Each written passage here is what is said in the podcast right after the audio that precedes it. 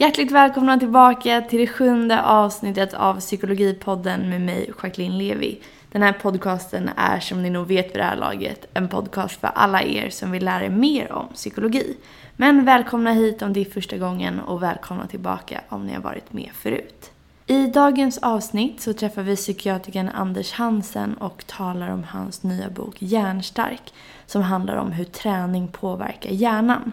Jag vet inte hur det är med er, men eh, jag har i alla fall en tendens att prokrastinera min träning. Prokrastinering, man skulle ju kunna tro att det ordet betyder att man är pro, alltså att man är proffs på någonting. Eller så kanske man tycker att eh, ordet låter som någon så här tung rappare, som eh, en killkompis till mig tyckte. Men prokrastinering betyder faktiskt att man har en tendens att skjuta upp saker. Men förhoppningsvis efter att ni har lyssnat på det här avsnittet så blir det lite lättare att sätta igång och lite svårare att prokrastinera. Jag tänkte börja den här veckans avsnitt med att läsa ett utdrag ur Anders bok Hjärnstark som alltså finns ute i butikerna nu. Knyt dina båda nävar och håll dem mot varandra. Så stor är din hjärna. Den väger ungefär lika mycket som ett mjölkpaket. Tänk dig att något så litet rymmer allt du någonsin känt och upplevt. Alla dina personlighetsdrag. Allt du någonsin har lärt dig. Alla dina minnen. Från dina första diffusa minnesbilder från en sommarsemester i treårsåldern, genom hela din barndom, dina tonår och ditt vuxenliv, tills du läser de här orden. Allt ligger i den där klumpen som är den mest komplexa strukturen vi känner till i universum och som inte förbrukar mer energi än en glödlampa. Den som inte fascineras av hjärnan fascineras inte av någonting.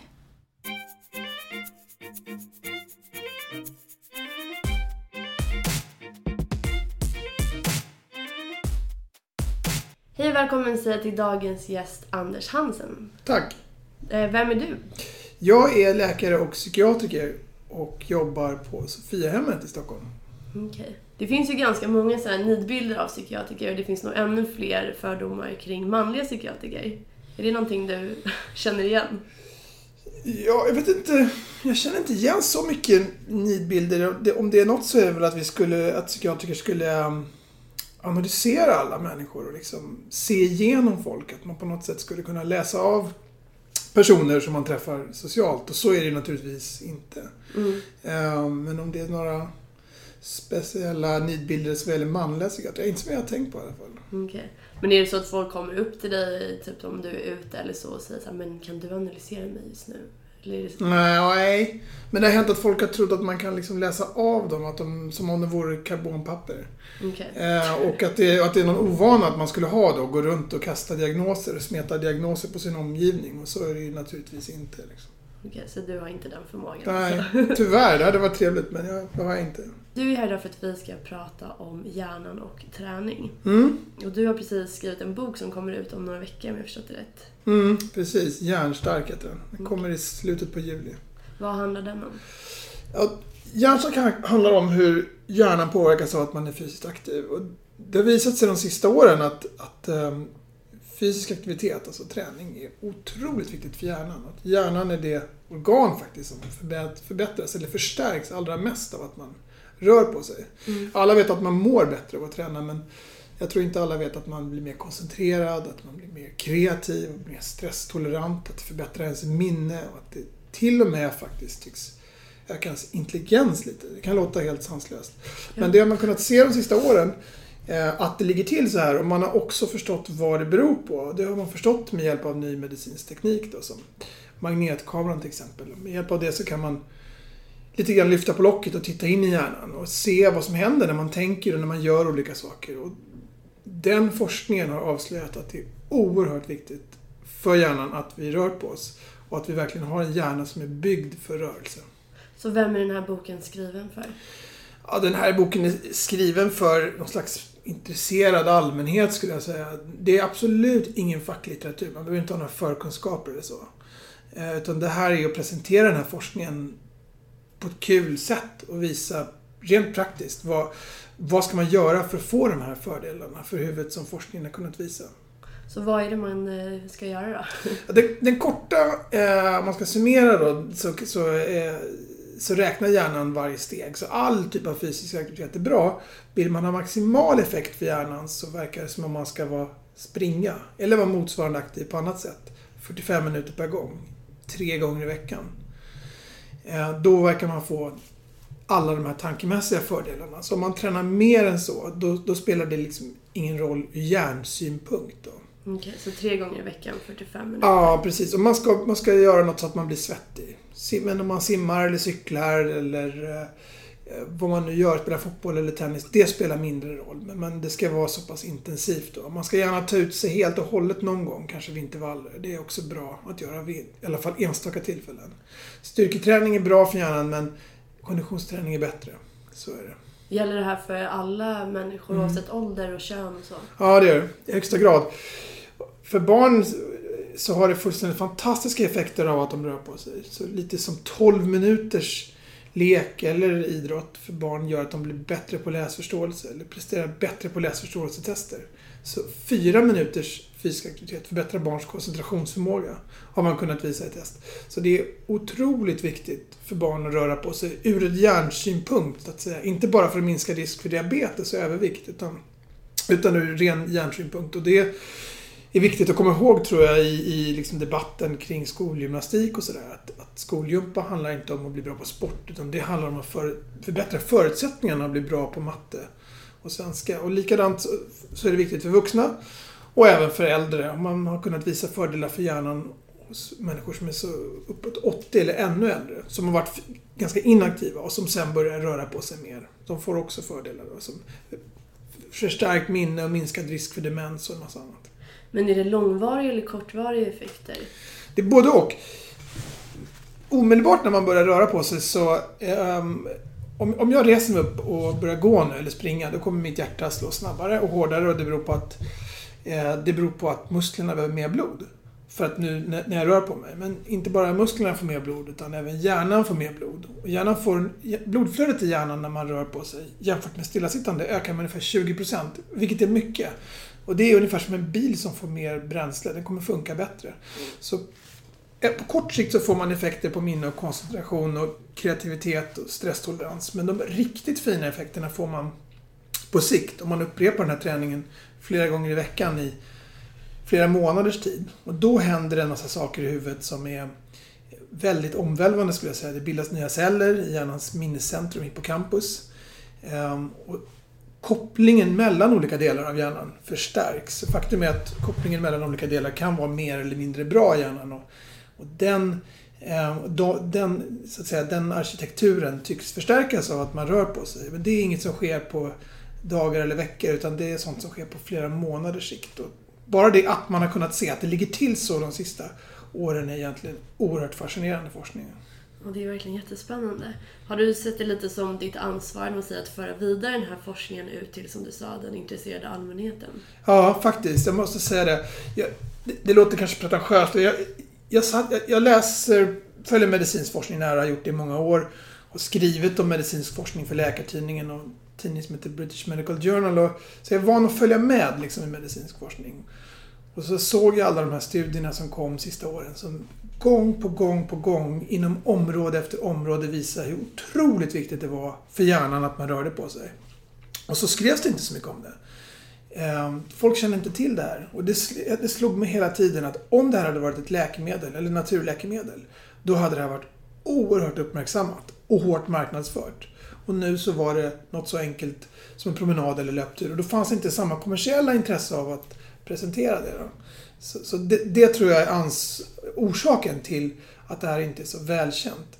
Och, då, eh, och jag gillar att popularisera och presentera vetenskap. Så då, då tog jag på mig det, om man nu får kalla det för det. Att, att liksom försöka föra fram det här och förklara att det är bra för vikten att röra på sig, det är bra för det, minska risken för diabetes och en massa annat. Men det viktigaste är att man funkar bättre i huvudet, kort och gott. Alltså det förvånar mig ju lite att det inte har populariserats tidigare mm. med tanke på att hälso... Alltså så knep och sånt mm. och dieter och sånt brukar väl sälja ganska Ja, det gör mig också. Det förvånar mig också. Mm. Jag fattar inte riktigt var, varför inte någon har plockat upp det tidigare. Ja, men det är ju bra att du har gjort det nu. Ja, exakt. Någon, bättre sent än aldrig. Men är det inte ofta så inom forskningsvärlden att så här, forskningen, folk specialiserar sig väldigt mycket och sen så delas inte den forskningen med den breda allmänheten utan... Jo, precis. Jag tror du har helt rätt i det. N när man berättar om den här forskningen, och det gäller inte bara forskning kring fysisk aktivitet och hjärnan, utan det gäller mycket neuroforskning, då blir människor intresserade. Det här är vansinnigt spännande. De, den här forskningen, framför, framförallt möjligheten att avbilda hjärnan och titta in i hjärnan, det gör ju att man faktiskt kan lite grann se rakt in i själen. Och det kan ju... Eh, på, på, på så sätt så kan vi liksom förstå mänsklig natur på ett sätt som vi aldrig historiskt har kunnat göra tidigare. Och, och när man berättar om de här grejerna för människor, då tycker nästan alla att det här är sjukt spännande. Varför har inte det eh, berättats tidigare? Ja, det är en gåta. Det, det, det är ett lite underbetyg tycker jag till, till, till forskningssamhället och, och att, att vi inte har lyckats föra ut de här rönen tillräckligt. För de här rönen måste bli allmän egendom. Folk måste veta om det här. Liksom. Ja, verkligen. Men eh, skulle du säga att det är hjärnan eller hjärtat som mår bäst av konditionsträning? Det, är, det, det är lite att jämföra äpplen och päron. Det är svårt att jämföra effekten på hjärtat med hjärnan. Det är vansinnigt viktigt för hjärtat att man rör på sig. Men jag ska säga att det är minst lika viktigt för hjärnan att man rör på sig. Kanske ännu viktigare faktiskt. Men, men det är lite svårt att jämföra i och med att det är två helt olika organ. Mm. Men tänker du att, du pratade om att man kunde kanske till och med förbättra sin intelligens, koncentration, minne. Vilka är de mentala processerna som påverkas av konditionsträning främst då? I princip alla tankemässiga processer. Så koncentrationen ökar, kreativiteten ökar, minnet förbättras, förmågan att motstå stress förbättras. Om man tar intelligens då som ju är... Det kan låta otroligt att det skulle, träning skulle kunna göra oss starkare, eller eh, smartare. Eh, det har man funderat på under många års tid. Skulle det kunna vara så? Och faktum var att uppgifter från Sverige kom att bli avgörande där. Det, det var obligatoriskt att mönstra fram till för tio år sedan tror jag. Och då samlade man eh, ihop mönstringsuppgifter från över en miljon mönstrande män då. Det var framförallt män som mönstrade. Och mönstringsdagen bestod av ett IQ-test, ett konditionstest ett styrketest och sådär. Och då såg man att de som hade bra på konditionstestet, de hade överlag högre IQ. Och det var ett jättetydligt samband. Men det skulle kunna bero på att människor som är smarta gillar att röra på sig snarare än att rörelsen gör dem smarta så att säga. Så då valde man att titta på enäggstvillingar där. Och då fanns det 1300 enäggstvillingar. Och bland dem, så enäggstvillingar har nästan alltid identisk IQ. Den ligger väldigt nära varandra. Men det fanns bland de här 1300 paren eh, tvillingpar där en brorsa hade bra kondition och en brorsa hade dålig kondis. Och de hade inte samma IQ. Där hade brorsan med bra kondis högre IQ än sin tvillingbrorsa. Trots att de här individerna då har i princip identiska gener, för enäggstvillingar har i princip identiska gener, och har växt upp tillsammans. Så det kan liksom inte förklaras på något annat sätt än att den andra, den ena rör på sig mer. Och det är så nära man kan komma ett bevis tror jag på att träning skulle kunna göra en lite smartare. Men kan man dra sådana slutsatser från ett tvillingpar? Ja, nu var det här 1300 par. Ah, så, jag trodde precis. det var ett Nej, det var inte som- Nej, precis. Så, Ja. så, och, och, ehm, är det här definitivt bevis på att träning gör en smartare? Nej, det är det inte. Men det är nog så nära man kan komma ett bevis på det. Och, och det här sambandet då mellan vilken form man var i, vilken IQ man har. Eh, det, grundsambandet var visat på över en miljon människor. Så det är liksom jättelika undersökningar. Och det visade sig också att de som hade bra kondis vid 18 års ålder, alltså vid mönstringen, de hade mer sällan depressioner när de var 40. Och de hade bättre jobb i 40-årsåldern. Och de var färre bland de som försökte ta livet av sig. Det är sådana här mönster man kan se eh, när man tittar på så många. Då går det just liksom att se den typen av mönster. Nu är det inte så att man minska risken för depressioner när man är 40 bara för att man har bra kondis när man är 18. Utan det är ju så att de som har bra kondis när de är 18, de har förmodligen också bra kondis när de är 40 så att säga. Det, det visar liksom ändå kraften i det här, eller vikten av att röra på sig tycker jag. Mm. Ja, verkligen. Inom vården, eller jag började jobba i psykiatrin nu i sommar och då har jag så hört att de pratar om något som heter FAR. Som, Mm. om jag förstått det rätt, står för fysisk aktivitet på recept. Mm, precis. Vad är det för någonting? Ja, det är i princip att man kan skriva ut fysisk aktivitet på, eh, på ett recept som patienten får med sig och kan gå till en, en träningsanläggning, Friskis och Svettis eller vad det nu kan vara. Så kan man lämna in det och så får man delta i pass där. Så kan man specificera vilken typ av träning det ska vara faktiskt. Det, det är bra, det är jätteviktigt och det är otroligt bra att vården börjar använda sig systematiskt av, av fysisk aktivitet. Och vi, vi måste liksom, tror jag, ta ett kliv från att försöka bara se allting med mediciner och tabletter.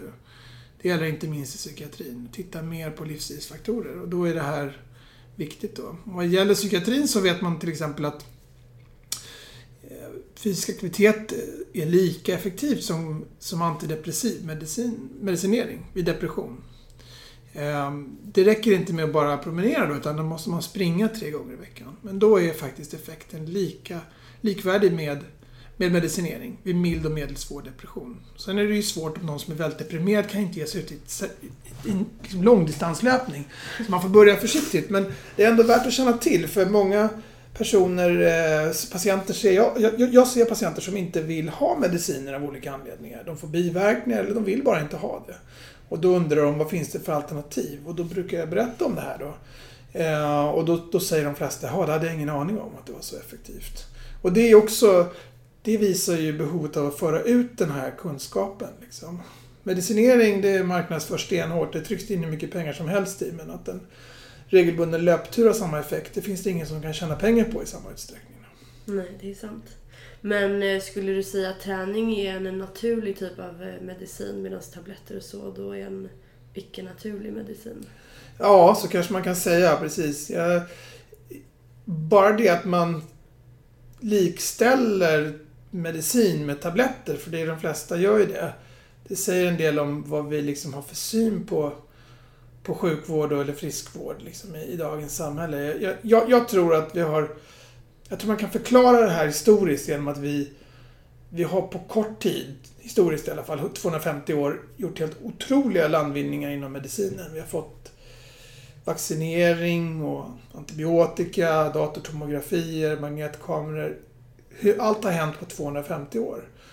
Och det som tidigare, den här gamla kunskapen om att det är viktigt att röra på sig, det, det har människor alltid känt till. Men det har kommit i skymundan nu eh, det, det, kommer liksom i vägen för de här, de här nya sakerna står i vägen och vi reagerar intuitivt och tror att den här tabletten som det har kostat flera miljarder att forska fram, den måste vara bättre än, än en löprunda. Liksom. Och, och bara ordet träning får ju folk att tänka på fitnessindustrin och magrutor. Liksom. Och det, då bagatelliserar man värdet av det rent medicinskt. Liksom.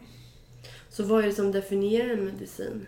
Ja, jag, jag vet, alltså vad man ska lägga i... Medicin är ju själva, kan ju vara ämnet medicin men också läkemedelsbehandling och en massa annat och det är nog mest hur man, hur man definierar det. Men, men jag tycker man kan se träning som en, som en medicin, helt klart. tycker jag. Där biverkningarna egentligen är symptom... Eh, vad heter det? Relief? Eller? Ja, alltså och, och en, en otroligt viktig medicin för hjärnan som har en massa positiva biverkningar för kroppen i termer av att man håller vikten och man minskar risken för diabetes och man risker, minskar risken för hjärt-kärlsjukdom och flera former av cancer och stroke och massa annat. Så träning är liksom en naturlig medicin utan biverkningar eller med positiva biverkningar. Så skulle jag säga det. Mm.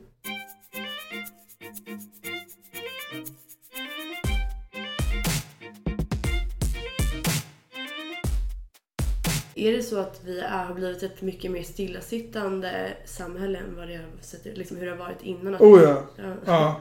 Absolut. Så är det. Vi har blivit ofantligt mycket mer stillasittande och eh, om man tittar på, som jag skriver i boken, att om man ser mänsklighetens eh, som, är, som är miljon, miljon år vilket är ett ofta använt mått. Och då har vi, om man betraktar det som ett dygn, då var vi jägare och samlare fram, från midnatt fram till 23.40.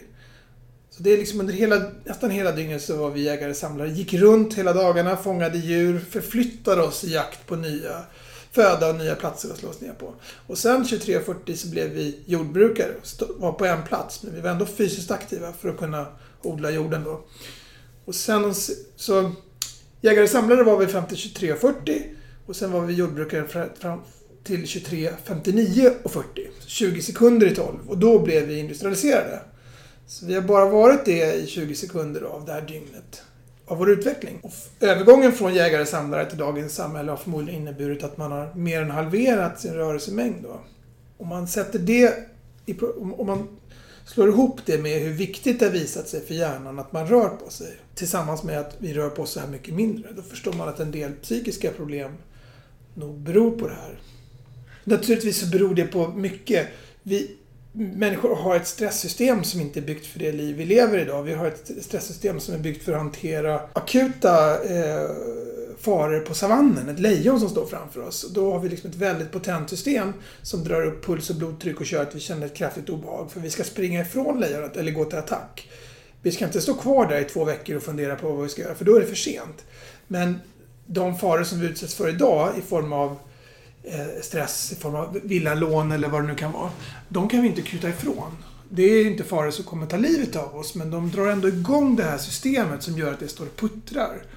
Och, och ehm, det, den här kroniska stressen då som, som, som många utsätts för och får problem med, den beror på just det här att vi har ett stresssystem som hela tiden står och går och som inte riktigt är byggt för den här livsstilen vi lever. Så vi kan inte gå tillbaka till savannen, det är inte realistiskt. Och, och liksom flytta ut i en, i en stuga i skogen och vi, leva som vi byggda, det funkar inte. Men om vi, genom att röra på sig så kan man i alla fall korrigera en viktig del av det här. Då, liksom, och på, därigenom leva lite mer som man faktiskt är byggd. Okej, så om du fick ge alla lyssnare såna här FAR, alltså fysisk aktivitet på recept, mm. vad skulle det vara då?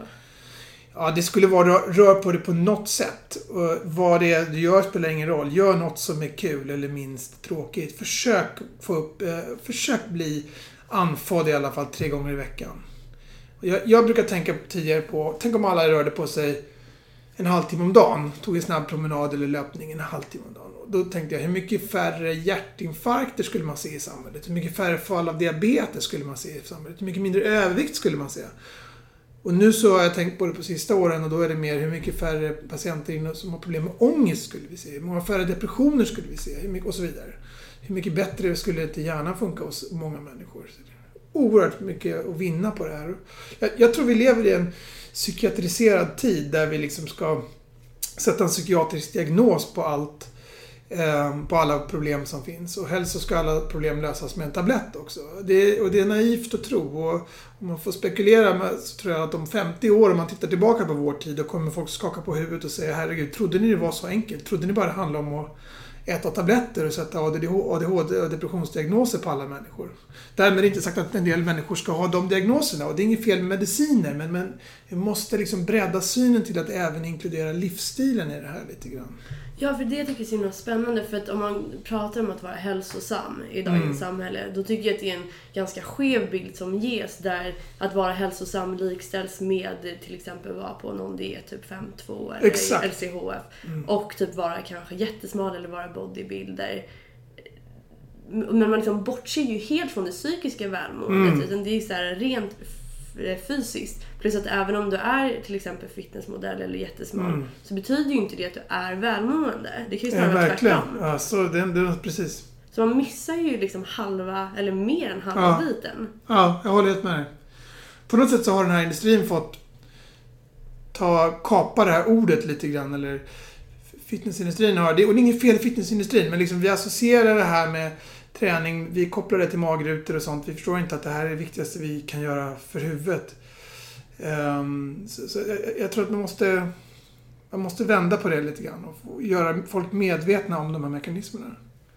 Ja, verkligen. För att som jag tittar, jag talar ju såklart inte för alla som är 25 år i Sverige idag för att allas liv ser olika mm. ut. Men jag kollar på mig och mitt umgänge, då är det ju dels att man ska vara väldigt hälsosam samtidigt som man ska liksom leva i 200 km i timmen. Du ska mm. vara VD vid 26, ekonomiskt oberoende vid 28. Mm. Och eh, typ, älska att vara ute och ta droger och alkohol. Men även träna och typ käka pizza på mm. gymmet. Mm. Och vara sådär den första biten av hälsosam. Mm. Hur får man ihop det här livet? Är det inte till och med nödvändigt med fysisk aktivitet? Jo, alltså precis som det du beskriver. Människor har liksom en idealbild som är helt ouppnåelig. Och jag tror för tonåringar som tittar på ett Instagramflöde som bara ser eh, bilder. Eh, de tror liksom att alla är lyckliga utom jag. Och, och eh, sen förstår man lite senare att men herregud, den där bildflödet och den fasad som folk försöker visa upp, den har ingenting att göra med verkligheten. Ehm, men det är lättare sagt och gjort att förstå det. Liksom. Många blir nog olyckliga av den här fasaden som projiceras som är fullständigt orealistisk. Det finns ingen som kan leva upp till allt det här. Det går inte. Liksom.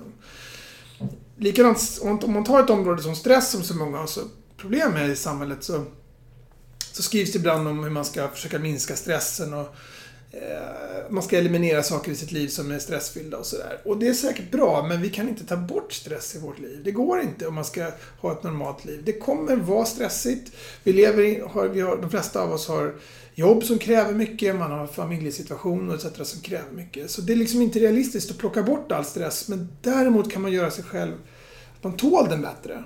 Och det gör fysisk aktivitet. Om man, om man låter människor... Det finns ett, ett stresssystem som heter... Det mest centrala stresssystemet heter HPA-axeln. Och det slutar med ett hormon som heter kortisol, som du säkert känner till, som är kroppens viktigaste stresshormon. Då. Och när man, vid stress så ökar kortisolnivåerna. Det gör att hjärtat slår snabbare och hårdare. Och vid långvarig stress så går man runt med höga kortisolnivåer under lång tid. Och det bryter ner bland annat delar av hjärnan. Då. Ehm, hur ska man då kunna vända på det här? Ja, om man tränar så ökar man kortisolnivåerna. Och det beror på att träning är en stress för kroppen i sig. Men efter att träningen är klar, då sjunker kortisolet. Och då sjunker det till lägre nivåer än det var innan träningen. Om man upprepar den här träningen, och då är det konditionsträning, då stiger kortisolet mindre och mindre för varje gång man tränar och sjunker mer och mer efteråt. Och det riktigt intressanta sen då, det är att om man stressas av andra orsaker än träning, då kommer man inte heller reagera med så stark kortisolökning om man är vältränad. Så träning lär kroppen att inte reagera så starkt på stress. Gud vad coolt. Ja, det är, det är vansinnigt coolt och det är också visat på barn faktiskt. Det var en intressant studie i Finland när man tittade på 300 mellanstadiebarn. De fick bara stegräknare för att se hur många steg de tog per dag. Och så gjorde man stresstester på de här barnen. Och testerna bestod i att de fick räkna under tidspress, matteövningar under tidspress och så fick de hålla presentationer inför varandra. Och det tycker de är jobbigt, precis som vuxna tycker det är jobbigt. Och då visade det sig att barn som tog många steg, de reagerade inte så starkt på de här stresstesterna. Man mätte också kortisol i blodet på de här barnen. Och de barn som tog mycket, många steg per dag, de reagerade med mindre kortisolökning vid stresstesterna. Och det fanns till och med en grupp barn som inte reagerade med någon kortisolökning alls knappt. De var i princip helt immuna mot stress, visade det sig. Och det var de som tog flest steg per dag. Och det är viktigt att känna till det. Ja, det känns som att jag borde typ eh, promenera hit istället för Ja, man får dåligt samvete av den här forskningen. Men, och det är inte poängen med att, att man ska få det, men, men, men, det här är liksom otroligt viktiga fynd. Och eh, som sagt, när man berättar dem för folk så då reagerar de flesta som du och säger Är det verkligen, kan det verkligen stämma? Är det verkligen så här? Och, det, och så är det. Det här är blytung forskning som har visat det här. Men som inte har förts ut så mycket än så så att eh, som du sa, effekterna kan vara, eller är även då på kortisolnivåerna. Så det måste alltså inte vara en medveten minskning i upplevd stress då till exempel. Nej, precis. Det är, det är en rent fysiologisk eh, effekt. De här barnen upplevde sig mindre stressade också. Men, men faktum var att man kunde, det var mätbart i blodet. De hade lägre kortisolnivåer. De hade minskad aktivitet i sitt stresssystem. Men är det också så, för du sa att det här gällde alla åldrar. Mm. Men gäller det också oavsett vilken kosthållning man har? Det är inte särskilt undersökt, så jag vågar inte svara på det. Kopplingen mellan eh, kost och, och, och, träning vad gäller effekterna på hjärnan är väldigt outforskad, så jag vågar inte svara på det. Jag skulle gissa att det är så. Jag tror att det, att det spelar, att man får effekten oavsett sin kosthållning, men jag vågar inte svara 100% på det.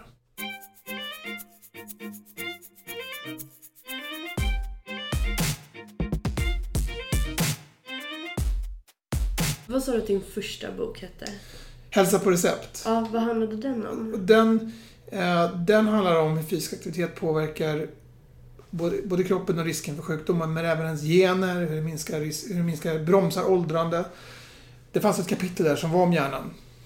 Men det är bara ett av sex eller sju kapitel. Och den, den första boken skrev jag och en kompis som heter Carl-Johan Sundberg som är professor på KI fysiologi. Och vi gjorde det just av att vi såg alla de här studierna och sa herregud, det här är helt ofattbara effekter som det har. Hur det påverkar ens gener, hur det påverkar ens hjärna, mående, åldrande.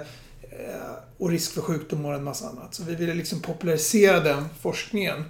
Och eh, skrev en bok som vi som liksom förklarade på så enkelt som möjligt. Och vi visste inte alls hur den skulle tas emot och vi blev förvånade när det visade sig att den var väldigt väl mottagen och har sålt eh, långt mer än vad vi hade kunnat drömma om. Och den är såld till nio länder nu tror jag. Och så där. så det, det, var, det var otroligt kul liksom att, att det gick att skriva något som var seriöst och ändå lättläst och kul. Och det är på det spåret som jag försökt eh, fortsätta med, med den här boken. Men har du alltid varit intresserad av det här ämnet? Ja, jag har varit intresserad av det sedan jag började jobba psykiatriskt tror jag. Faktiskt. Jag har fascinerats över att det har varit så mycket fokus på läkemedel och sen så har jag liksom följt med och sett de här stora studierna som har kommit som har visat hur viktigt det är för hjärnan. Och de, många av dem har kommit de sista tre fyra åren. Det är ny forskning. Det är, ganska, det är ny kunskap det här. Man åker på kongresser, hjärnforskarkongresser, då är det ett stort ämne verkligen där folk har folk diskuterar det verkligen och säger att herregud, det är ju ofattbart viktigt. Vi hade inte kunnat drömma om att det var så viktigt. Så det är något som även forskare förvånas över, ska jag säga. Okej, okay, så du blev intresserad av det och så skrev du den första boken och sen märkte du kanske dels att intresset var stort och sen mm. att det fanns mer att skriva om? Ja, exakt.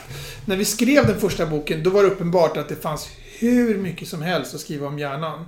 Men vi hade inte mycket utrymme som helst. Så det hade, den, den tror jag, är 20 sidor om det i den boken. Och det fanns utrymme att skriva både två tre böcker om det. Och det var ganska många artiklar som skrevs om den boken ur perspektivet hjärnan. Och de artiklarna blev lästa och det var många som sa kan man, det här borde du skriva en hel bok om. Så det blev ett naturligt steg att, att ta det som nästa bok. Då. Men den här eh, nya boken har du skrivit själv? Den har jag skrivit själv, ja. Mm. Exakt. Mm. Och vad, du har berättat några grejer, men vad är take home message utan att ge liksom, folk ska köpa boken också, mm. men bara ge oss lite. Ja, precis. Ja, men take home message är liksom att det här är det, det är ofattbart viktigt för huvudet att man rör sig och alla tankemässiga processer förbättras. Kreativitet, koncentrationsförmåga, minne, simultan kapacitet, mående naturligtvis. Och, och, och att effekterna också är mätbara i huvudet. Det här skapar förändringar i huvudet som man kan ha kunnat mäta. Det är inte bara musklerna som växer till vid styrketräning utan delar av hjärnan växer till och det är egentligen helt... Men om man tänker efter så är det helt ofattbart. Då. Sen också en diskussion i boken om vad det beror på att det här hur vi människor liksom är bokstavligt talat kvar på savannen. Att det har inte hänt någonting med oss utvecklingsmässigt. Då. Man kan åka, om vi kunde åka tidsmaskin tillbaka 10-15 år 10 000, 10 000 år i tiden ska jag säga eh, så skulle vi träffa människor som var ungefär som oss. De, de hade andra vanor och erfarenheter än oss, men de hade samma förutsättningar som oss och samma hjärnor som oss. Då. Om en person dog för 10 000 år sedan och hamnade på ett obduktionsbord idag, då skulle inte den läkaren som obducerar den här patienten kunna säga att det här är någon konstig person. Det här är en människa som alla... Och, och, och, så, så att, och poängen med det är att liksom, det har inte hänt något med oss utvecklingsmässigt, men vår livsstil har förändrat något fruktansvärt bara på 200 år. Och sen 10 000 år tillbaka så är ju skillnaden ofantlig. Och en viktig aspekt är att vi rör mycket, mycket, mycket mindre på oss. Och rörelse då var ju någonting som gjorde att människor överlevde. Som, som man rörde på sig vid jakt för att fånga djur, man rörde på sig för att springa undan faror och man rörde på sig för att hitta nya områden att breda ut sig på, på jorden. För vi har ju på trots allt på bara 80 000 år gått från ett hörn i Afrika till att kolonisera hela planeten. Så, så rörelse har liksom varit väldigt viktig för mänsklighetens överlevnad. Och det är därför hjärnan belönar oss med en känsla av lugn, att vi mår bra, att det dämpar känslor av oro, att man blir mer fokuserad beror förmodligen, alltså mer koncentrerad beror förmodligen på att när människor har rört på sig tidigare så har det varit vid jakt och sånt. Då har, man, då har det funnits en poäng med att hjärnan lägger i en extra koncentrationsväxel. Så att man blir, då ökar chansen att lyckas med jakten. Att man minns bättre när man rör på sig beror förmodligen på att när människor har rört på sig så ser man nya miljöer. Och då finns det en poäng med att hjärnan mobiliserar en extra minnesväxel så att säga. Om vi bara sitter ner och tolkar huvudet som att det händer inget nytt. Du ser inget nytt. För vi är inte byggda för att få information passivt på en iPad eller telefon utan det kommer tolkas av hjärnan som att det händer ingenting. Då finns det ingen anledning att öka, bättra på minnet. Då. Det här är förmodligen anledningarna till att, till att de tankemässiga processerna förstärks så mycket när man, när man rör på sig. Då. och alla tekniska landvinningar eh, som vi har gjort de sista ja, egentligen 200-300 åren som de för oss bara längre och längre bort från det här livet vi är byggda för. Och återigen, vi kan inte gå tillbaka till savannen. Det går inte. Vi kan inte flytta till skogen och bo i stugor. Men vi kan röra på oss och därigenom leva lite mer som vi är byggda. Så flytta tillbaka en liten bit av savannen fast in i Ja. storstan. Ja, men lite så. Faktiskt. Absolut. Jag jag skulle säga det. Precis. Alltså man fortsätter ju oftast med vissa beteenden för att man får, vi är ju väldigt drivna av kortsiktiga Mm. belöningar. Och som du sa, minnet förbättras, koncentrationen förbättras och eh, kreativiteten till exempel. Och det har man ju antagligen mätt på olika sätt i de här studierna. Precis, exakt. Men det är ju ganska svårt kan jag tänka mig för personen själv att känna bara nej men nu känner jag mig mer kreativt. För Mm. det är så himla subjektiv upplevelse så att det blir inte lika förstärkande Nej. just då. Exakt. Det är jättebra poäng. Om man tar kreativitet då så då finns det en massa historiska exempel på människor som har Ehm, som, som har kommit på saker när de varit fysiskt aktiva. Einstein sägs ha kommit på sin relativitetsteori när han cyklade och Charles Darwin sägs ha varit besatt av sina dagliga promenader och som han tog när han skrev om arternas uppkomst och så. Steve Jobs tog sina promenadmöten. Jack Dorsey som är VD för Twitter tar sina promenadmöten för de, han tycker att de boostar kreativiteten. De här anekdoterna, de säger ju inte så mycket vetenskapligt även om de är kul. Men för att testa kreativitet då, hur gör man då? Ja, då finns det kreativitetstester. Bland annat så är det ett, ett klassiskt test och så ska man komma på användningsområden för ett objekt. Till exempel en, eh, en mursten som brukar de ta som exempel. En sån här alltså, som man murar murar med. Du ska komma på så många användningsområden för stenen som möjligt på så kort tid som möjligt. Och då eh, till exempel att man kan hålla ordning på papper med den eller ställa upp en dörr med den eller sådär. Och det är antalet svar som räknas men det är också hur de här svaren skiljer sig från varandra och om människor som har gjort testet tidigare har kommit på de här svaren. Så hur unika de är. Och när man slår ihop allt det här, det här testet då, då visar det sig att kreativa människor presterar väldigt bra på det här. Och när människor gör det här testet efter att ha promenerat, då presterar de i genomsnitt 60% bättre än om de gör det stillasittande. Så det är jättelika skillnader. Den ökade kreativiteten sitter bara i en eller ett par timmar, sen klingar det av. Och varför det är så, det vet man inte. Förmodligen har det att göra med att hjärnans blodflöde ökar när man, när man promenerar. Så just den här förmågan till brainstorming, den, den ökas något enormt. Så om man har kört fast i ett problem, liksom, så ut och rör på dig. Promenera eller spring och sen fundera på det timmen efteråt. Så chansen god att man kommer på något. Och, och, och eh, som sagt, man, det, det, det, kan vara svårt själv att eh, eh, notera det här kanske. Liksom. Men om man vet om att det ligger till på det sättet så kan man ju faktiskt använda sig av det. Ja precis, för det är väl det också den här podden lite är till för att man ska kunna förstå sig själv lite bättre och utifrån den kunskapen Exakt. kunna optimera sina chanser, eller vad säger. Ja men absolut, Mm. visst så är det ju. Det, det, det handlar ju om det. Psykologi och hjärnforskning är ju liksom en möjlighet att förstå oss själva lite mer på djupet. Liksom. Så är det ju. Så hur mycket av boken skrev du medan du sprang? Ingenting skrev jag när jag sprang, men Ja, jag, men- hade med, jag hade med mig telefonen jämt. Som jag, det- jag kom på rätt mycket när jag var ute och gick, eller ibland kutade, så var jag tvungen att stanna och skriva in i notes. Liksom. Och så kom man hem och en del av det var nat- naturligtvis skräp, men en del bra idéer kom jag nog faktiskt på när jag, eh, när jag rörde på mig. Det tror jag. Jag brukar alltid smsa mig själv om jag kommer på någonting Ja, ja, precis. Det kan man göra också. Exakt. Det där har jag också gjort. Ja. Sen måste man ju komma ihåg att titta på de där sen också, så man inte Ja. glömmer bort dem. Nej, jag brukar glömma bort dem. Mm. Sen hittar konstiga osammanhängande små korta sms som man inte förstår. Så. Nej, man får, man får se till att skriva ner det eh, när man fortfarande har det liksom, aktuellt i huvudet. Annars blir det bara konstiga stödord. Men skulle du föreslå, då du pratade om att du, det var anekdoter men att vissa personer kom på bra saker medan de promenerade eller tog Mm. möten gåendes. Föreslår då du att till exempel terapi bör ta form alltså, ja, medan man går en promenad? Att, ja. Det är väl inte fel. Eh, sen så jag menar, det, det får inte vara fanatiskt. Om man, eh, om man tar psykoterapi så är ju det något högst personligt som jag antar att man vill ska ske bakom låsta dörrar. Och det är väl inte kul att promenera runt i, på Djurgården eller i en park och springa på grannen när man går med en terapeut. Liksom. Eh, Så att, men det, det måste vara praktiskt möjligt.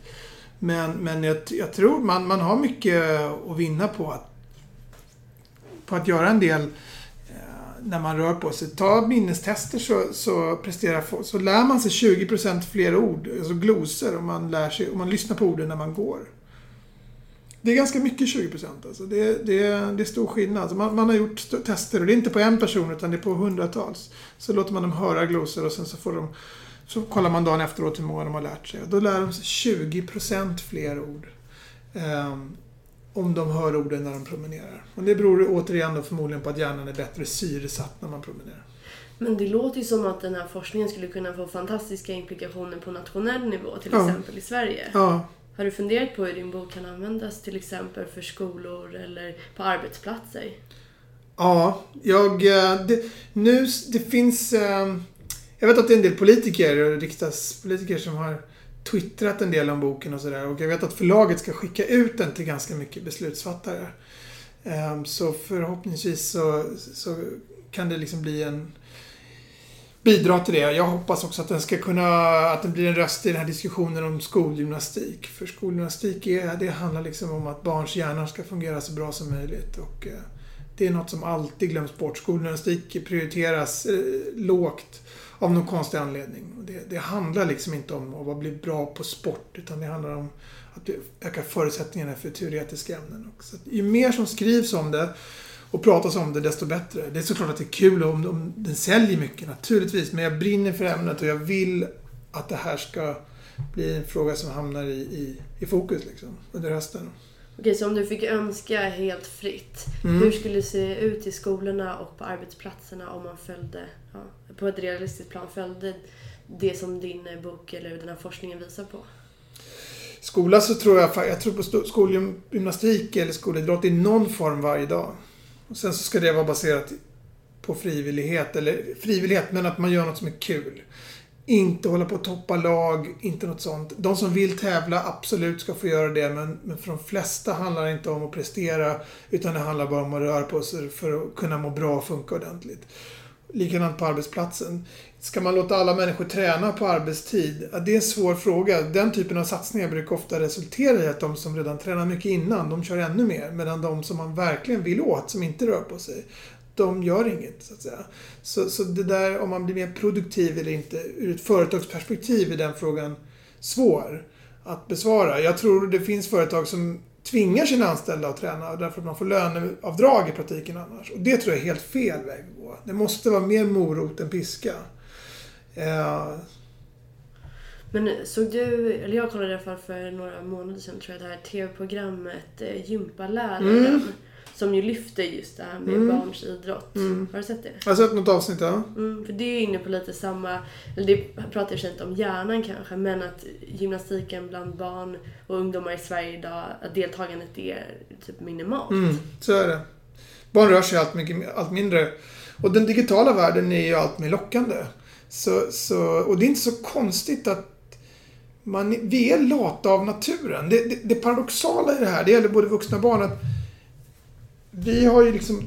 om- Vi har under nästan hela vår utveckling varit, haft ett underskott på kalorier. Kalorier har varit viktiga, eh, dyra kort och gott.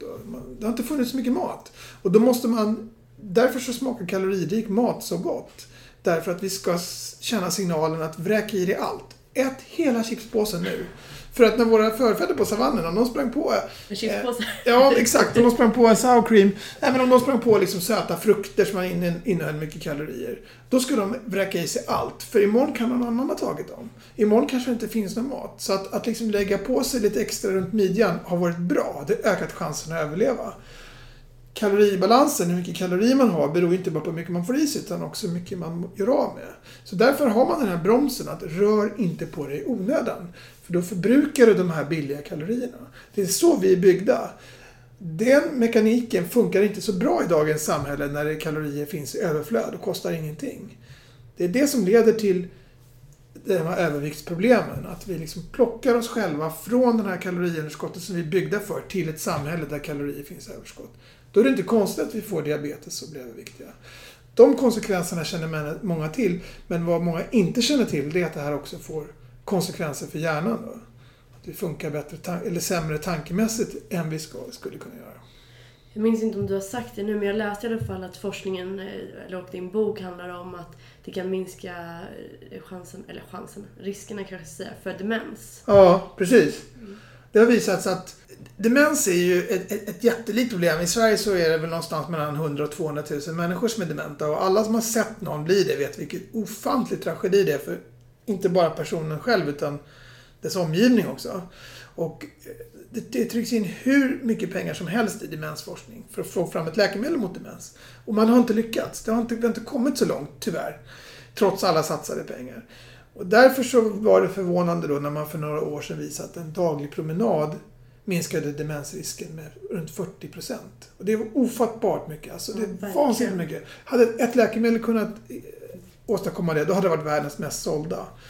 Och då hade vi känt till det. Då hade det varit enormt marknadsfört. Alla hade pratat om det. Nu var det en promenad som gjorde det och då så mottogs det nästan med en gäspning. Liksom. Och så blev det på sin höjd rubrik i någon hälsobilaga.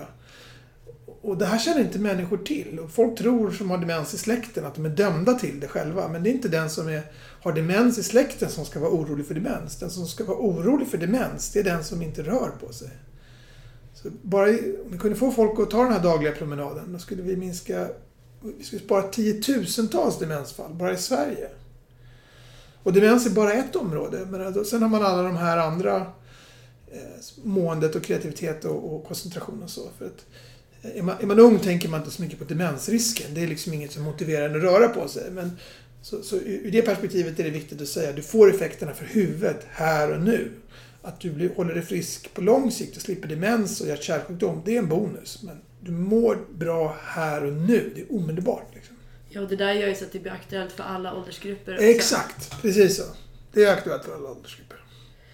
Men eh, hur mycket styrs media och eh, läkemedels... Eh, ska man säga?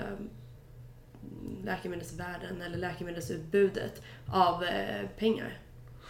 Alltså läkemedelsbolagen är ju helt styrda av pengar naturligtvis. Det är ju deras uppdrag att, att, ehm, att, vara, att vara lönsamma företag. De, de betalar ju för sin forskning och måste ju ta fram produkter. Det är deras uppgift. Och jag tror inte det finns någon eh, mediakonspiration att, att bara rapportera det läkemedelsbolagen säger. Tvärtom, det tror jag absolut inte.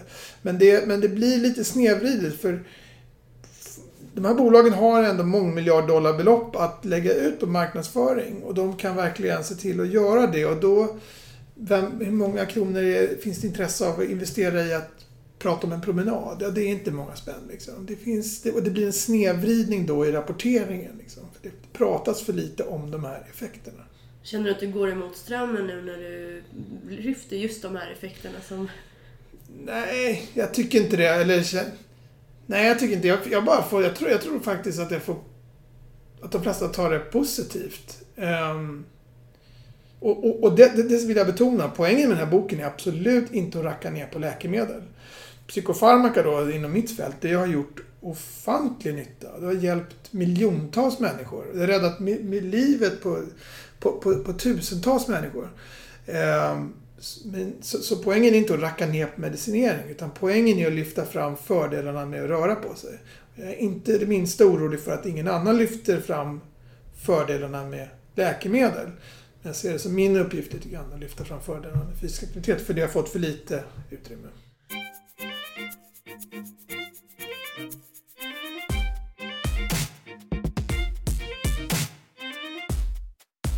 Kan man tänka sig att, för man tänker typ rökning till exempel. Rökning är ju en riskfaktor vid i princip varje sjukdom som finns.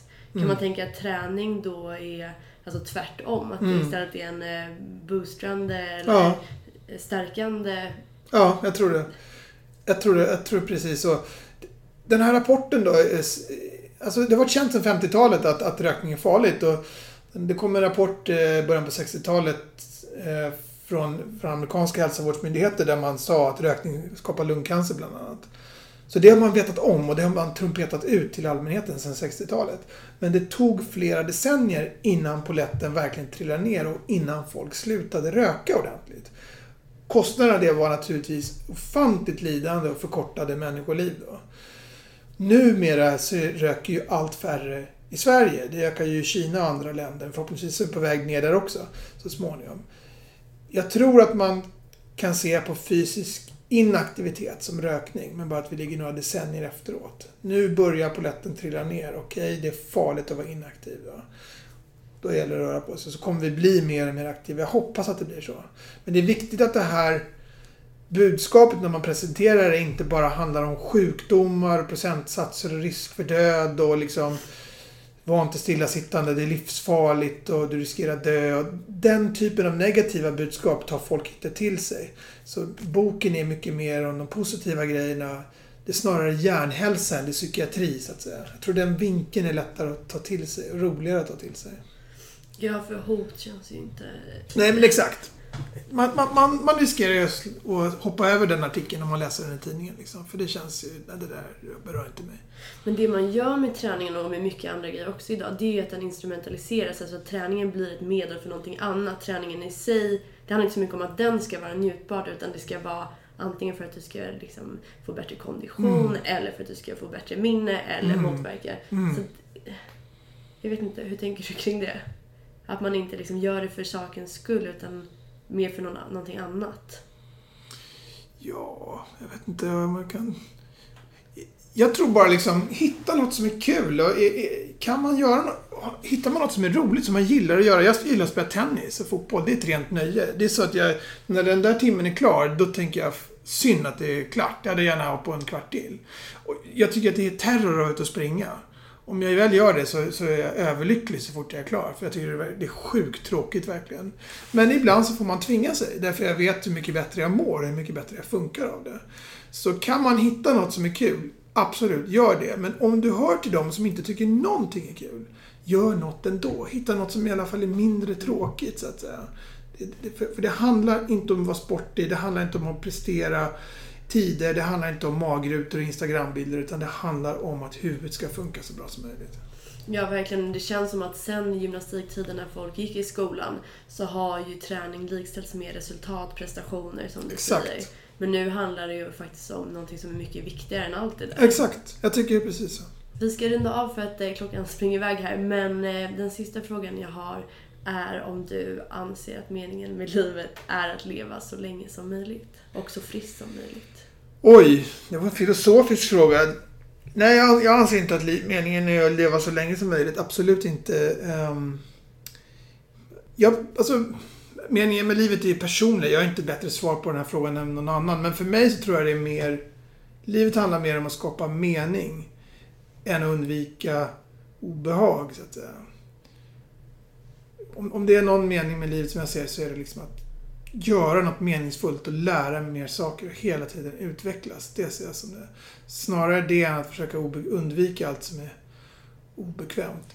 Men med det sagt, jag vill inte liksom pracka på det här på någon annan utan jag ser det på det här sättet och någon annan ser det på något annat sätt och allas tolkning av det här är lika bra för det här är ju väldigt filosofiskt. Vilket PK-svar.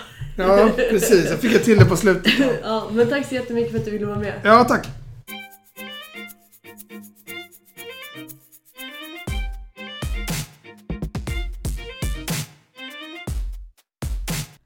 Tack alla fantastiska lyssnare för att ni var med mig och grymma Anders Hansen idag när vi talade om hur hjärnan påverkas av träning.